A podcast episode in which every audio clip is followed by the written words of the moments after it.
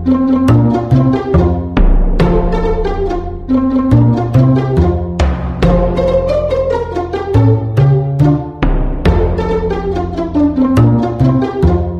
Sobat Penbut, selamat pagi, selamat siang, selamat sore, selamat malam, kapan pun Sobat Penbut mendengarkan siniar ini.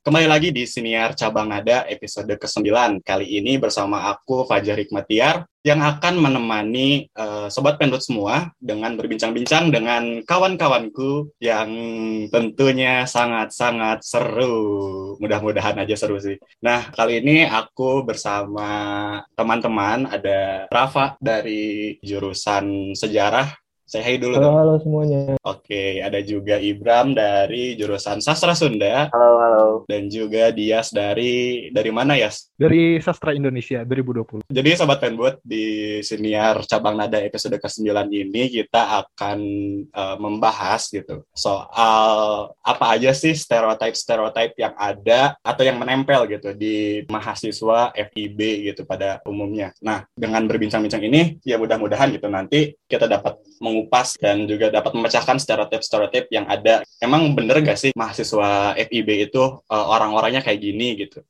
Nah, untuk untuk memulai aja nih, aku mau nanya Ibram dulu deh. Dulu nih, waktu sebelum mau masuk ke sastra Sunda gitu, bayangan terhadap sastra Sunda tuh kayak apa sih gitu? Bayangan ya, sebenarnya yeah. agak agak bingung juga sih. Jadi ketika memutuskan untuk masuk sastra Sunda itu, yang pertama awalnya ya pure murni nggak tahu apa-apa. Sumpah e, kalau masalah kesundaan tuh kayak lo masih masih ngeblank aja gitu. Karena gedenya juga dulu SMA di Jawa walaupun SMP di Bandung. Malah pas waktu pertama kali masuk itu masih agak kaku gitu. Kalau untuk ngomong bahasa Sunda tuh karena tiga tahun di Jawa terbiasa ngomong pakai bahasa Jawa dan lain sebagainya jadi masih agak canggung dan jujur nggak inilah kurang-kurang terlalu tahu gitu mengenai sastra Sunda itu seperti apa. Cuman sempat searching-searching juga ya intinya sih kayak ngebahas sejarahan dan lain sebagainya sih itu sih paling ya berarti uh, ada ada semacam culture shock dari segi bahasa gitu ya dari yang awalnya Jawa terus pindah ke ke Bandung terus masuk sastra Sunda akhirnya jadi kagok-kagok gitu yang ngomong ngomong bahasa Sunda ya? kagok ya? jujur kagok banget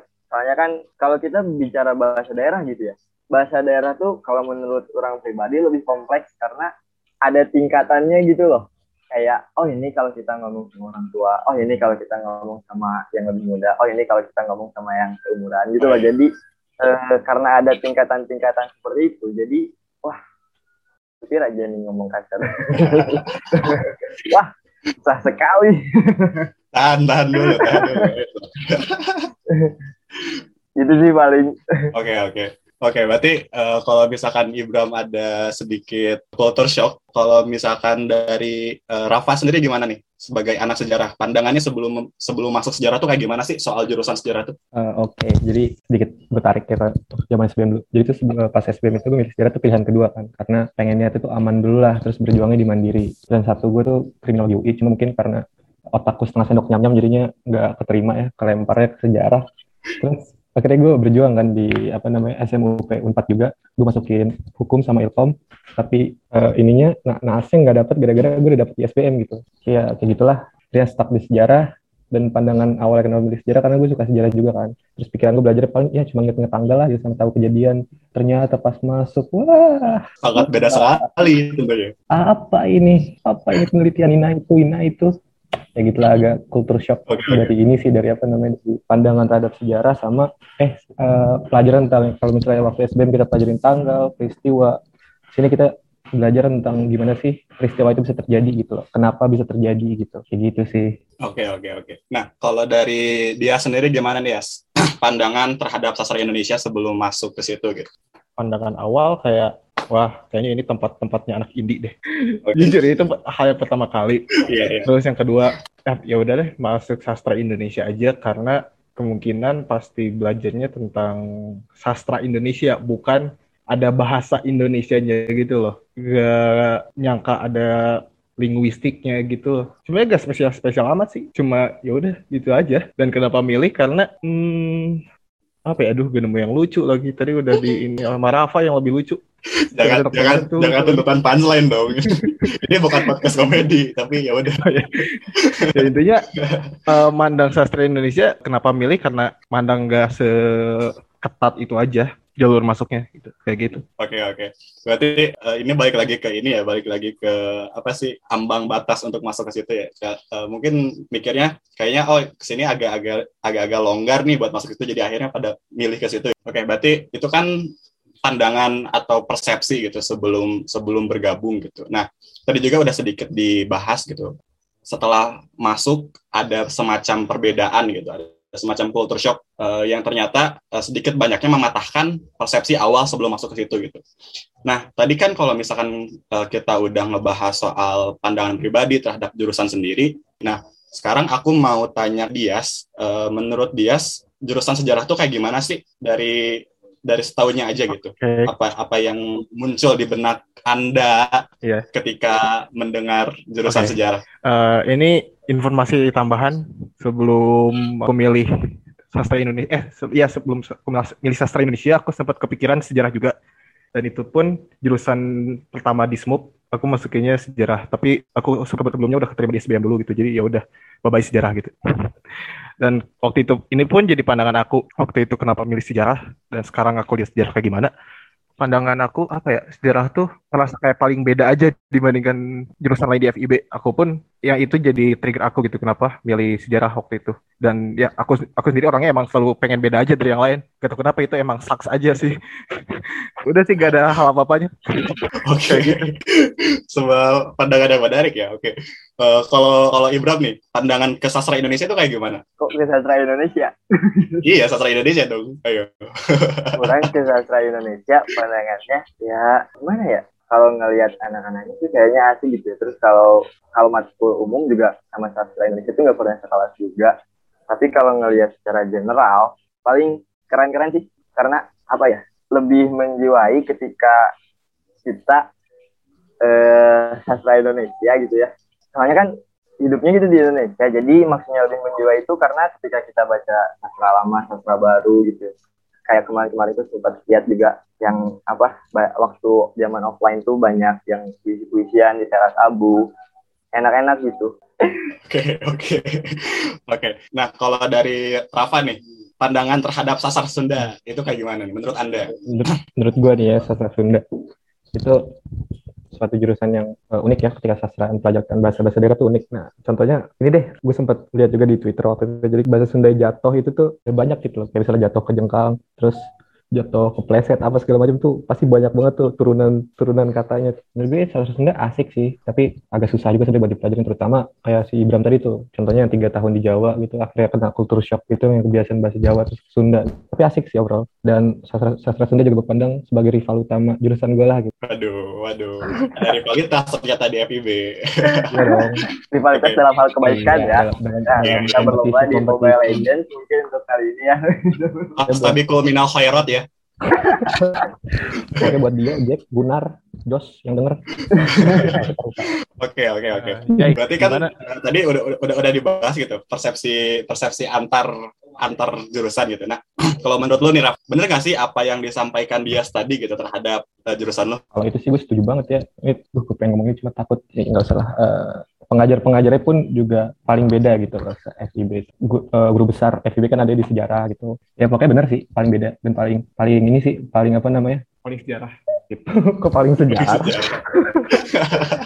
ya apalagi kalau bukan sejarah. Nah, uh, berarti uh, ini ini ini kita balik lagi ke tadi nih Raf. Uh, apa yang dirasakan setelah menjadi mahasiswa sejarah gitu? Gimanakah jurusan sejarah itu gitu setelah menjadi mahasiswa sejarah? Agak-agak spill dikit deh. Jadi semester satu kita disuruh ngeresum buku gitu loh. Di tiap minggu tuh kita selalu ngeresum buku dan itu tulis tangan gitu loh. itu kayak wah anjing apa nih tiap minggu disuruh nulis gitu. Awalnya sih gitu cuma lama kelamaan manfaatnya tuh ini gitu kenapa kita disuruh tulis tangan? Gitu kayak nemu gitu walaupun awalnya nggak enak tapi akhirnya nemu manfaat. Ya, tapi gitu sih pas awal pas awal masuk tuh kayak shock capek kaget. Ya nano nano lah campur aduk.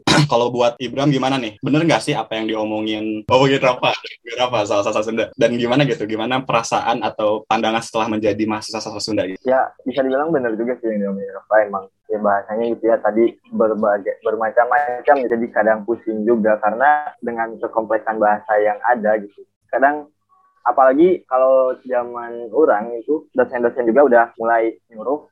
Sebagian dosen juga udah ada yang mulai nyuruh. Masalah itu dibuat dengan bahasa Sunda.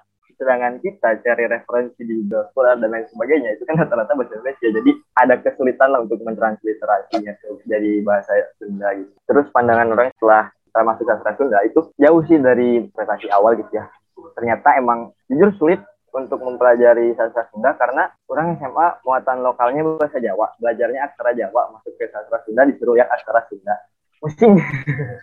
Pusing jujur pusing. Terus lagi di tiap sastra kan ada ada pasti ada sejarah sastranya gitu ya. Dan ternyata sejarah sastra Sunda juga lumayan kompleks gitu karena yang namanya bahasa daerah itu biasanya sejarahnya tuh banyaknya itu sastra lisan gitu loh. Jadi kalau kalau kata orang itu cek ini mah gini cek ini mah gitu. Jadi terlalu banyak katanya kadang jadi buat kita pusing juga. Terus ini sih yang yang paling parah tuh ketika kita masuk sastra Sunda dan terus menekuni budaya Sunda itu masih aja masih ada aja sebagian masyarakat yang memandang bahwa wah ini Sunda Wiwitan, wah ini bukan Islam, wah wah wah.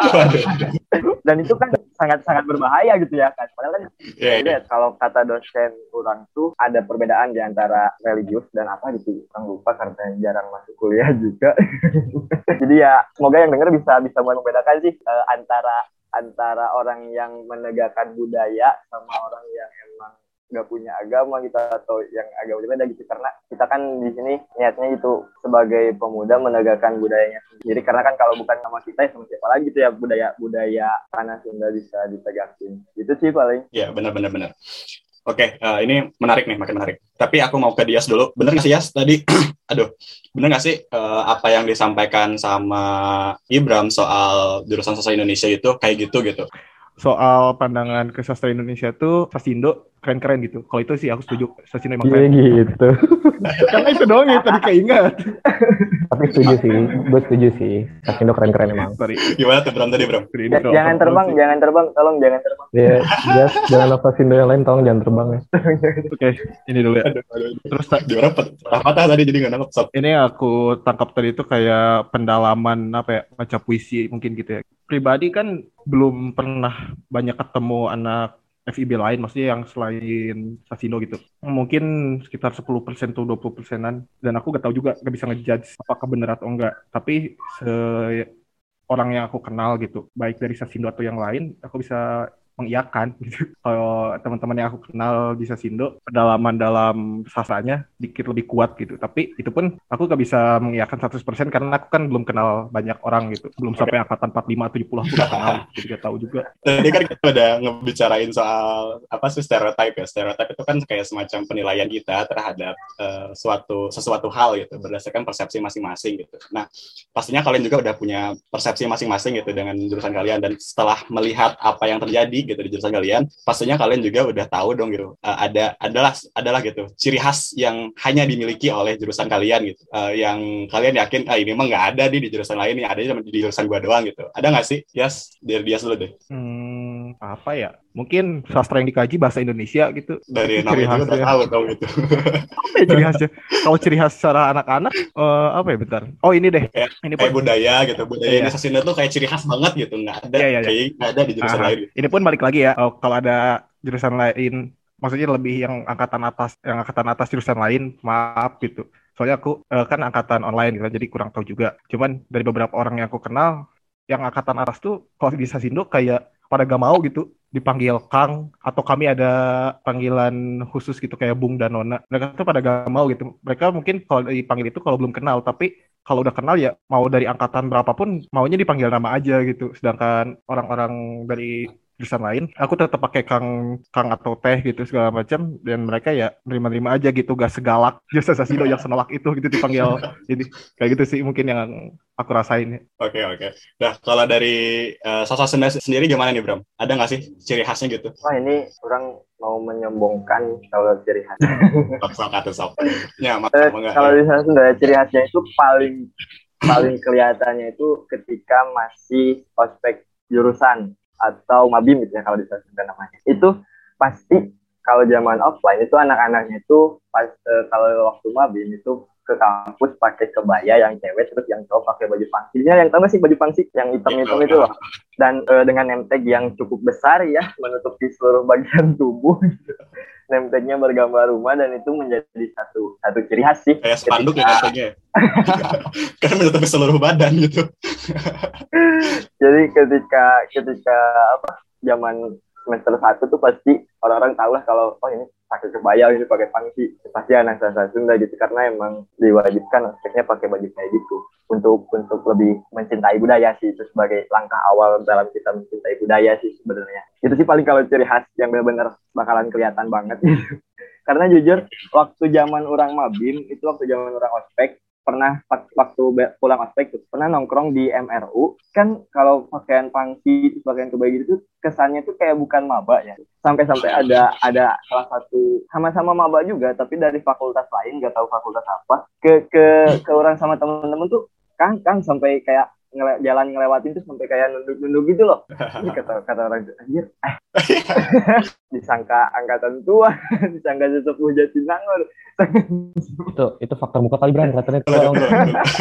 gitu sih kalau kalau ciri khas ya, kalau ciri khas paling kayak gitu sih. Ini tadi jalan duduknya kayak gini gak? kurang lebih, kurang lebih, aman ya, aman ya yang disebut ya, aman ya. Aman, aman, aman, aman. tolong, tolong editor jangan jangan dikat, jangan dikat.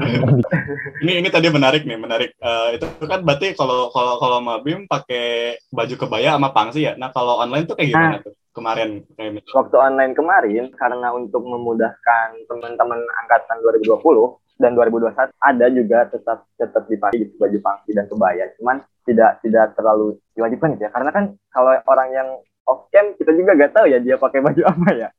Kayak kayaknya masih ada aja yang dapat orang orang ada aja gitu waktu waktu offline juga yang on cam kayak off cam. Terus ini yang menanggap yang dia sebenarnya kalau di FIB itu sendiri yang masalah tadi nyebut Kang atau sehat. Sebenarnya kalau kalau menurut orang itu tuh hampir semua jurusan kayaknya kayak gitu deh. Kalau menurut orang ya. Soalnya yang orang ngerasain di sastra Sunda juga ya kayak gitu. Ketika kita emang udah kenal dengan cutting tersebut, ya udah gitu. Enjoy aja, santai gitu, nongkrong bareng. Enaknya di FIB itu gitu. Nah, kalau menurut Rafa nih, ada nggak sih ciri khas dari jurusan sejarah gitu yang hanya yang menurut lu cuman ada di, di jurusan sejarah gitu? Ada nggak sih? Oh, kalau namanya PS2 Mabim nama Mabim sejarah itu pasti itu wajibin buat ngafal itu lagu gitu. Jadi ada kebanggaan tersendiri sendiri lah. Soalnya itu tuh lagu walaupun ada yang sempat kayak yang di viral-viral gitu lagu-lagu di nyeleneh-nyelenehin gitu di beat beat beat beatin cuma tuh kalau anak sejarah nyanyi tuh kayak ada kekuatannya. Gitulah ada buffnya tersendiri asik. Remix gagak iya di remix gagak gitu. Ya bener ya di di remix gagak gitu. Di jangkot di jangkot ya Oh, uh, emang di jurusan lain nggak ada gitu lagu kebangsaan? Nggak tahu sih ya, nggak pernah dengar juga. Jadi yang yang gue tahu ya cuma sejarah doang yang punya gitu. Coba dari dari Sasa Sunda ada nggak kira-kira? Kalau dari Sasa Sunda ada uh, biasanya tuh yang pertama tuh ada Karatagan Pama. Itu Karatagan Pama itu jadi waktu beres kepanitiaan PMBS itu sampai nah, uh, bercucuran air mata gitu. Karena feel-nya tuh dapet gitu loh. Karena feel-nya tuh dapet. Uh, asli yang pertama itu kata tangan pamas terus biasanya kalau beres kepanitiaan atau beres acara apa pun biasanya kita semua di satu nyanyi pamas rancage. Pamas rancage. Itu juga uh, cukup karena mungkin karena kita sudah merasa memiliki gitu jadinya kayak terenyuh gitu loh. Oke. Okay. Terenyuh tuh apa Bram? Gak ngerti gue aja. nah, dari dari Sasindo ada nggak ya? Kayak, Kayaknya gitu, saya ya? harus tanya dulu Anda ya. Kenapa saya? Dilempar dong. gue berani jawab sih. Gak berani jawab ada atau enggak karena emang gak tahu. Tapi sejauh ini kayaknya gak ada deh. Pas Mabim segala macam. Oh mungkin Indonesia Raya. Iya. oh iya dan ini Uh, tadi masih sebenarnya mau bahas-bahas yang ospek jurusan juga Mabim. Ada banget Ada apa nih? Enggak, bukan suruh kenapa-napa. Soalnya Jai tadi nge-DM ngomongin Mabim kayaknya asik gitu, ngomongin Mabim. Oh, apa dibongkar? Gak tau sih ini, gue cuma buat bridgingan doang. Nah, Jai ada apa nih? Jai sebagai PO Mabim gitu. Ada apa nih? apa ini? Apa ini?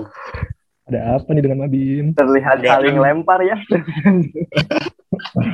enggak, enggak. Kan tadi, kan tadi Ibra bahas uh, Mabim, Mabim, Mabim di Sasud. Kayak dia juga kayak kelewatan deh soal Mabim deh. Karena uh, ya apa ya, yang anak-anak Sasindo cukup banggakan gitu adalah uh, Mabimnya menurut menurut penuturan peserta gitu ya lumayan as, lumayan asik gitu dan uh, cukup bisa mereka banggakan gitu dan itu udah terjadi uh, secara tradisi gitu di setelah turun temurun di sastra Indonesia kayak gitu. Itu lah sih yes. Eh, menurut menurut anda. Mau, mau nanya sih orang kan ini ya yang kan berapa sih? Angkatan 1985.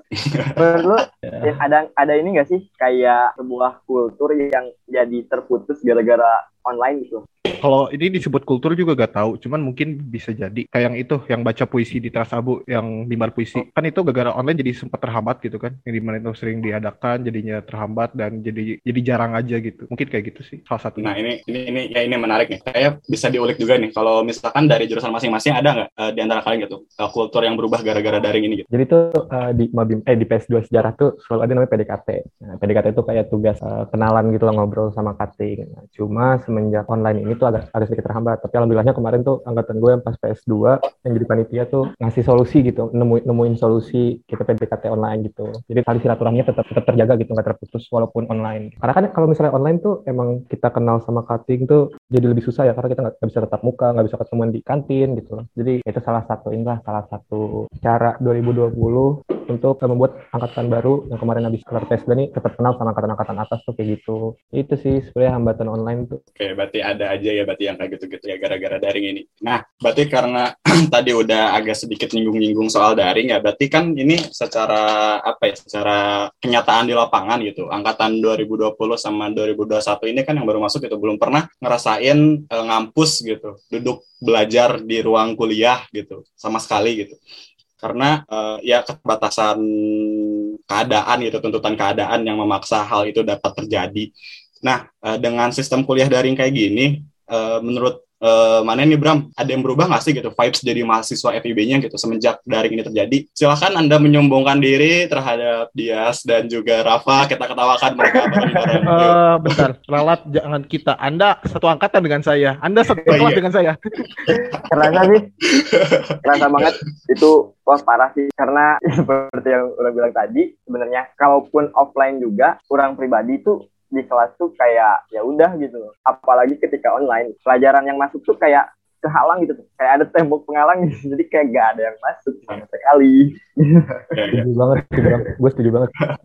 Semangat belajarnya juga jadi turun ya. Nah itu vibes belajar. Vibes belajar tuh jujur turun banget ya. Apalagi kayak gini nih kalau kita lagi ngezoom gitu. Terus yang on cam tuh kayak cuma satu dua orang itu tuh menurut orang tuh ngaruh ke vibe belajar sih. Beda ketika yang on cam tuh banyak, kita kayak bisa ngeceng-ngecengin yang lagi on cam atau gimana gitu ya, lihat ekspresi mereka. Uh, on cam tuh pemanis lah ya Bram ya. kayak bisa jadi bikin-bikin mood naik gitu Emang biasanya tuh. Ada ada pemanis di Sasindo. Oh, oh, lumayan. nah, nah, kalau ini kan tadi sudut pandang sudut pandang mahasiswa yang sudah merasakan daring dan juga luring gitu. Nah, kalau misalkan dari yang belum pernah daring nih, gimana nih perasaannya jadi masa daring sampai semester 3 ini nih? Eh, ini BTW, gue pribadi kan sebenarnya angkatan 19 gitu. Jadi pas pertama kali masuk ke Sasindo, pertama kali kuliah, itu tuh langsung pertama kali nyobain daring, kelas daring gitu. Jadi waktu sekolah-sekolah pun juga pernah. Dan impresi awal kayak oh ya udah sama aja gitu sebenarnya. Karena kalau awal-awal entah karena baru kenal dosen atau segala macam pada on cam gitu kan. Dan, dan gue sendiri saya sama aja gitu kayak belajar biasa. Cuman bedanya ya bisa sambil koloran doang gitu kayak gitu. Nah cuman dengan seiring berjalannya waktu tiga bulan gitu di pertengahan semester mulai banyak tuh yang off cam. Tadi setuju kata Ibram juga ke gue pribadi ngerasa jadi kurang apa ya kurang feel belajarnya gitu loh setelah pada ke nunjukin kamera segala macam bahkan gue pribadi pun terkadang emang off cam sih emang iya ngakui. Selain itu dari kitanya sendiri yang menjalani semangat belajar tuh emang pas kayak bener-bener turun aja. Karena apa ya gak tahu feelnya emang bikin turun gitu gua awalnya yang sebelum kelas tuh mandi dulu di pertengahan semester bodo amat gitu. Cari kemeja sana sini sana sini ke sananya pun kadang tiduran doang pakai baju yang udah beberapa hari. Jadi ya beda gitu. Itu sih berarti gue sebagai orang yang baru pertama kali daring gitu di kuliah ini kayak gitu kalau si dia kan tadi lebih ngarah ke ininya ya dampak negatifnya daring ya cuma gue bakal coba ngejelasin positifnya nih kalau daring bukan positif deh negatif juga tapi untung sebenarnya buat kita mahasiswa tuh contohnya contohnya lah ya ketika UTS UAS, kita bisa bertaktik gitu sama teman-teman angkatan. Jadi tuh ini gimana, ini gimana, ini gimana gitu. Jadi kan kalau misalnya luring gitu kita tetap buka sama dosennya, diawasin langsung, kalau taktiknya gagal langsung disobek gitu kan. Kan kalau misalnya online tuh bisa lebih bertaktik lah, taktiknya bisa lebih jalan gitu. Itu sih plusnya, plusnya buat daring ya. Cuma ya plusnya buat daring itu, tapi minusnya itu ya benar semangat semangat belajarnya nurun, kepanitiaannya juga menurun, terus ada juga beberapa individu yang ngambil organisasi ini, organisasi itu, organisasi ini, organisasi itu, semua diambil sama dia, jadi itu nggak maksimal gitu, jadi cuma sebatas ngikut doang biar bagus-bagusin CV gitu. Sorry kalau ada yang tersinggung ya teman-teman semua. ya gitulah, jadi tuh lebih ke arah maksain gitu kalau misalnya daring tuh. Iya, Gitu. uh, buat banget kalau misalkan Boleh nambahin nggak? Buat Unpad, tolong Ya, boleh. cepat-cepat Iya. offline ya. Ini gue gue setuju sih kayak dengan online ini kita jadi gampang apa ya? Ya tadi UTS atau mungkin UAS juga gitu atau bahkan kelas yang dengan gampangnya gak perlu titip absen tapi tinggal klik pause itu benar-benar emang membantu gitu. Tapi yang dampak negatif ini gue benar-benar bisa dampak negatif adalah kita menjadi terlalu nyaman dengan hal itu gitu. Yang di mana setelah ada pengumuman Unpad akan luring lagi tatap muka gue pribadi jadi orang yang belum siap gitu. Jujur aja gara-gara dampak itu. Eh, Anda kan biasanya kalau kelas suka sambil tiduran, mata baru baru ngediap dua kali. Ya, tapi jadi tapi itu gue gue gue setuju banget sih sama sama perkataan dia. Kayak ketika unpad kemarin tuh ngasih surat keputusan bakal ada hybrid tuh kayak mikir gue siap gak nih gue UTS tatap muka kelas tatap muka gitu. Kadang kelas daringnya tuh roller coaster gitu ibaratnya lah gitu tensinya naik turun gitu gimana pas offline nanti gitu, gimana tetap tatap muka gue siap gak nih bener tuh pertanyaan dia gue siap gak nih gue pengen offline sih emang gak pengen ketemu aja ya cuma Ah. ya itu pertanyaannya kalau masalah akademik siap gak nih gitu Nah, eh, karena udah disinggung juga nih soal soal akademik nih, ini ini ini ini makin menarik nih. Karena kan eh, kalau misalkan kita kuliah eh, luring gitu, kuliah offline, otomatis kita udah nggak bisa bertaktik-taktik ria gitu, sema- eh, semacam kita lagi kuliah daring gitu. Nah, eh, ini kurang apa ya kurang lebihnya gitu eh, memiliki dampak ke pelajaran-pelajaran yang kita pelajari gitu selama kuliah apakah apakah pelajaran itu akan lebih mudah atau lebih sulit gitu ketika di pengumuman nilai dan segala macam. Nah, berkaitan dengan itu gitu soal pelajaran-pelajaran kayak gitu. Nah, menurut kalian eh, bener nggak sih kalau misalkan pelajaran-pelajaran yang ada di FIB itu gampang-gampang gitu? Karena kalau kalau gue pribadi nih memilih sastra itu kan karena ingin menghindari matematika karena ya saya sangat bodoh sekali di bidang hitung-hitungan dan segala macam gitu. Jadi saya berusaha untuk menghindari hal itu dengan masuk ke sastra dan lumayan ya iya gitu. Eh, saya saya bodoh dalam hitung-hitungan kecuali hitung skor bola. Terima kasih dia atas jokesnya. Eh, dan juga eh, ya kayak gitu gitu. Apakah bener gitu? Gampang-gampang gampang-gampang nggak sih mata pelajaran eh mata pelajaran mata kuliah di FIB ngomongin gampang dan susah itu menurut orang balik ke individu masing-masing ya. Cuman kalau orang pribadi sih mandangnya sebenarnya lumayan gampang, lumayan ya. Jadi nggak nggak terlalu gampang juga. Maksudnya lumayan gampang tuh karena kan di sastra itu kayak kayak kita tuh dia oh ini nih. Jadi kalau kita di sosum atau humaniora itu eh, nggak ada el- ilmu pakem kayak ilmu pastinya kayak kalau kita di sains itu kan kalau misalnya satu tambah satu ya udah gitu kan dua Nah, enaknya di humaniora tuh kayak misalnya kita disuruh bikin jurnal atau kita disuruh bikin eh, esai atau apa pun itulah. Jadi kita tuh bisa bebas mengekspresikan diri eh, apa yang ada di otak kita tuh jadi bisa ya udah gitu dikeluarin aja. Karena kurang percaya sih semua karya sastra itu sebenarnya bagus-bagus aja. Ya ada nilai estetik lah di dalam semua, semua karya sastra. Cuman kalau bahas ke mata kuliah, ya itu balik ke individu masing-masing kalau menurut kurang. Nah, oke. Kalau menurut dia gimana nih ya? Bener gak sih kalau misalkan eh, matkul-matkul di FIB itu gampang-gampang? Karena ya apalah gitu, masuk sastra cuma baca-baca doang. Gitu. Bener gak sih? mungkin oh, tadi benar kata Ibrahim balik lagi ke individu masing-masing. Suatu matkul akan terasa mudah jikalau kita emang tertarik gitu terhadap matkul tersebut. Gue pribadi kayak dari semester 1 sampai 2 itu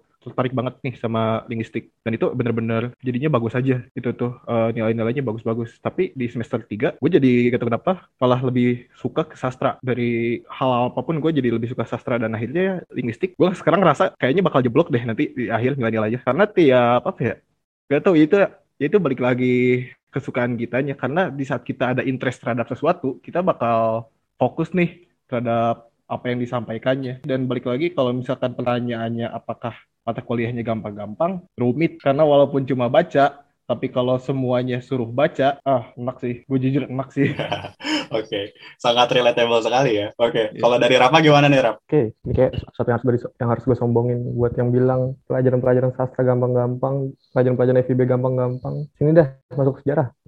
Sini masuk sejarah, gue tungguin ya Allah. Stres gue. Kalau tugas-tugas itu, maksudnya ya bener-bener penelitian gitu loh. Lo disuruh meneliti suatu hal yang dari zaman kapan tahu kejadian gitu. Sedangkan pas mau nyari sumber juga lo tuh pasti ragu gitu. Ini ini sumbernya bener gak ya gitu. Belum lagi dikritik sama dosen tentang penelitian belum lagi dikritik sama temen belum lagi ada teman-teman yang ngasih pertanyaan aneh-aneh. Nah itulah pokoknya lah makin gak jelas lah. Pokoknya buat buat yang bilang pelajaran FIB itu gampang-gampang eh, gue gue bisa bilang nih terutama di sejarah ya nggak ada tuh balik individu masing-masing nggak ada. Temen gue yang pinter itu masih bilang ini susah banget gitu. Saya bersejarah tuh bener susah. Ya. Bayangin ya semester 2 tugas gue tuh bikin mini skripsi lah semester Aduh, 2. Sangat hektik kedengarannya ya. Eh tapi jangan jangan yang denger jangan sampai ini ya, jangan sampai nggak mau masuk sejarah. Seru kok sejarah tuh. Roller coasternya itu yang bikin seru sebenarnya. Oke okay, oh, oke. Okay. Iya benar. Kayak sempat D cuma itu karena belum UTS gitu. Jadi itu taktik juga. Karena udah tahu dapat B makanya nggak UTS terus akhirnya minta UTS jadi C gitu. Bertaktik namanya. Nah. Di salah satu makul. ini pembocoran sekali.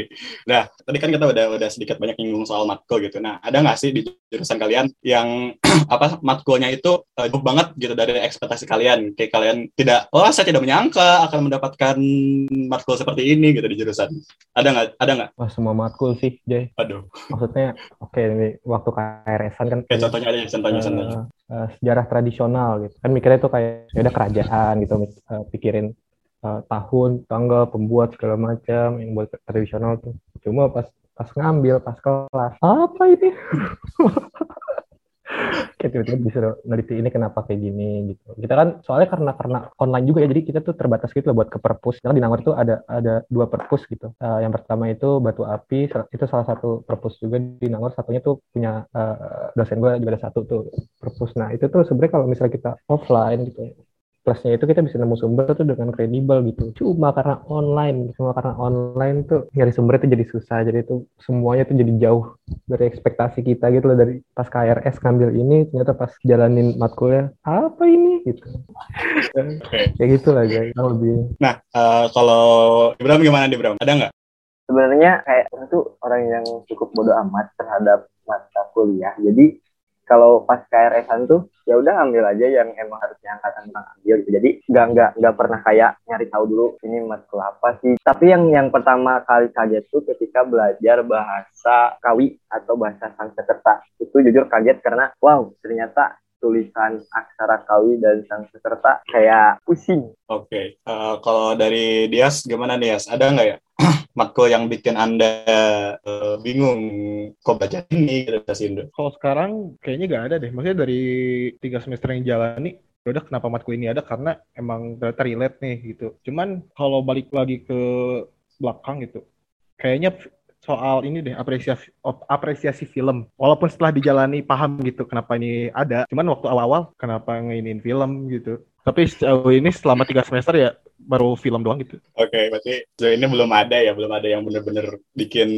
bikin bingung gitu. Mungkin itu tadi uh, sedikit sedikit dari, dari kita ngebahas uh, masing-masing stereotip yang ada di jurusan masing-masing gitu. Nah, sekarang uh, mungkin kita bakal sedikit uh, main games gitu mitos atau fakta nanti aku bakal uh, nyebutin uh, mitos atau fakta yang mungkin ada di jurusan kalian. Nanti kalian uh, bisa apa ya kayak ngejelasin gitulah apakah benar apakah itu adalah mitos apakah apakah itu adalah fakta gitu. Ke Rafa dulu deh. Mitos atau fakta? Kalau jurusan sejarah itu kebanyakan bakal kerja di museum. Kayak ngelap-ngelapin prasasti gitu mitos mitos yang kadang ada aja ya Itu apa tak Kok jelasin Memang prospek kerja jurusan sejarah itu apa sih, Raf? Luas dong. Jadi, karena kan sejarah lu belajar penelitian ya. Lu bisa jadi uh, bantuin arsitek juga. Banyak sih sebenarnya nggak nggak bisa bisa berikan satu gitu. Terutama saya FIB, maksudnya di FIB tuh semuanya itu hebat dalam penulisan, dalam pemilihan diksi gitu. Ya, jadi scope of work, ya scope of worknya tuh nggak cuma ngelap-ngelapin prasasti doang gitu. Jadi kita bisa bikin tulisan juga, kita bisa jadi penulis gitu. Terutama sekarang gue juga lagi jadi uh, kerja jadi copywriter kan. Jadi tuh buat yang bilang apa namanya uh, apa tuh jadi Jay yang tulisan sejarah tuh ngelap-ngelapin prasasti tuh itu sangat sangat mitos ya. Oke oke oke. Nah sekarang aku mau ke Dias nih. Uh, mitos atau fakta anak Sasindo kebanyakan indie banget uh, senja kopi senja kopi puisi mah weh gitu. Bener nggak? Ini definisi indinya kayak gimana dulu? Sejauh ini mungkin yang gue kenal anak-anak Sasindo bukan anak senja tapi anak malam mungkin ya. Orang-orang yang gue kenal sih ada gitu. Terus kalau disebut puitis uh, ada nih salah satu contohnya temen gue ini emang jago banget gitu bikin puisinya. Tapi kalau ngomong atau apa ya kagak puitis jauh dari puitis. Ah. cuman dalam puisinya emang bagus. Terus kalau penampilan lah ya penampilan let's say anak indie itu enggak juga sih gitu bahkan nggak ada. Tapi itu gak tahu ya, gak tahu karena gue udah masuk ke Sasindo yang relatif ya tahunan gitu. Lihat itu jadi ya udah biasa aja. Bahkan nggak jauh dari kata indie tapi nggak tahu buat orang yang di luar Sasido atau mungkin di luar FIB mandang kami kayak gimana. Cuman dari gue pribadi nggak juga. Di jawabannya Oke, mitos. berarti mitos ya. Nah, eh, kalau buat Ibram nih, mitos atau fakta anak Sasun harus bisa ngomong bahasa Sunda. Kayak mohon akan ya leresnya paling gitu bener gak sih gitu mitos atau fakta? Kalau itu kalau di jurusan itu sebenarnya fakta sih. Salah satu unsur budaya itu kan bahasa ya. Jadi kalau kalau kita mau menegakkan budaya ya minimal bahasanya juga harus tahu dulu setidaknya karena di angkatan orang sendiri juga ada beberapa orang yang kayak orang Jakarta, ada orang Jawa dan mereka dikit-dikit mulai belajar bahasa Sunda yang yang diajarkan sama teman-temannya yang kadang sedang mau ngasih contoh cuman tau lah ya biasanya kalau ada orang luar luar daerah itu diajarin bahasa Sundanya Sunda apa Iya, iya. kalian paling tahu juga kan bikin sesat ya yang diajarin pasti bahasa kasar-kasar dulu ya gitu sih paling itu itu fakta sih soalnya kalau nggak salah tuh orang pernah dengar kayak kabar gitu. Katanya sih skripsi juga bahasa Sunda katanya harus pakai bahasa Sunda di, di intar gitu gak tahu berapa tahun kapan. Orang pernah dengar kabar kayak gitu ya jadi kayaknya sih itu fakta sih harus bisa bahasa Sunda ya. berarti mari kita Sundakan dunia ya Ya, Sunda Empire gitu aja Jaya. Nah, masih masih buat Ibram. Mitos atau fakta? Anak Sasa Sunda, mahasiswanya kebanyakan orang Sunda semua gitu. itu fakta lagi Fakta lagi.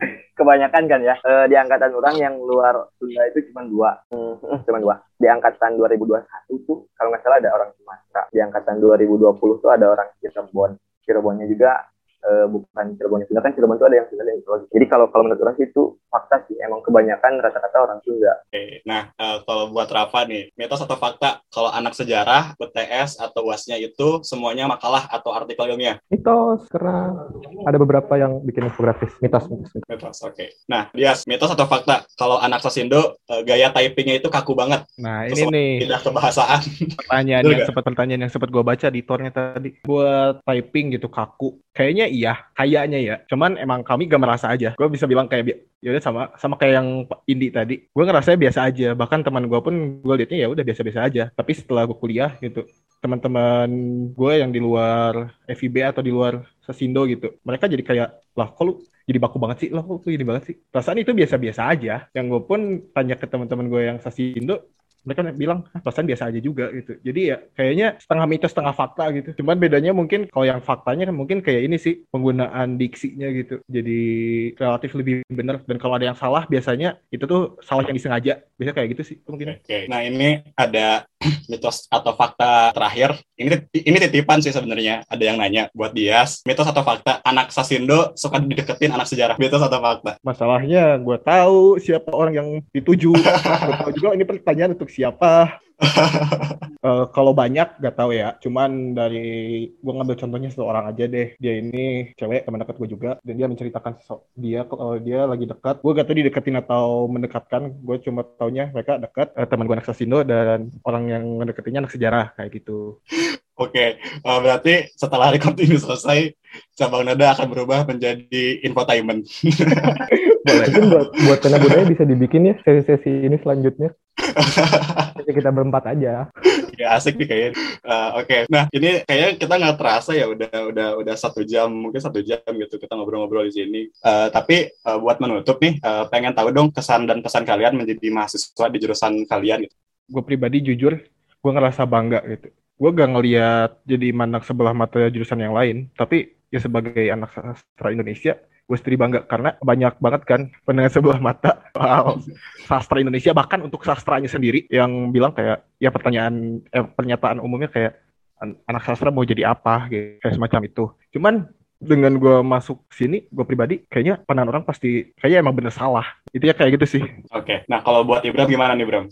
jujur orang bangga bangga banget ya bisa masuk sastra Sunda. Yang pertama karena secara tidak langsung eh, orang bisa apa ya kayak memajukan budaya atau menegakkan budaya dan orang merasa bangga tuh karena orang bisa jadi salah satu bagian untuk menegakkan budaya tersebut gitu loh jadi ada sebuah kebanggaan karena orang lihat ya rata-rata gitu yang yang udah berdiri tegak tuh ya yang udah yang udah tua-tua semua kayak Budi Dalton itu kan salah satu juga tokoh budayawan Sunda yang cukup terkenal. Tapi kan beliau juga kan udah udah berumur gitu ya. Jadi pasti harus ada regenerasi gitu. Jadi ya orang orang orang bangga sih jujur. Oke, nah kalau buat Rafa? Oke, kalau buat gue kesannya ya gue bangga sih jadi mahasiswa sejarah. Kenapa? Karena gue bisa tahu dan punya pengetahuan yang lebih luas dibandingkan orang-orang lain gitu ini tanpa tanpa menjelek-jelekan jurusan lain juga ya maksudnya sejarah itu kita belajar insight baru kita belajar knowledge baru kita belajar kejadian baru. Kita juga belajar ngambil benang merah gitu dari setiap peristiwa yang berdekatan gitu. Kita kita bisa bisa ngambil kesimpulan.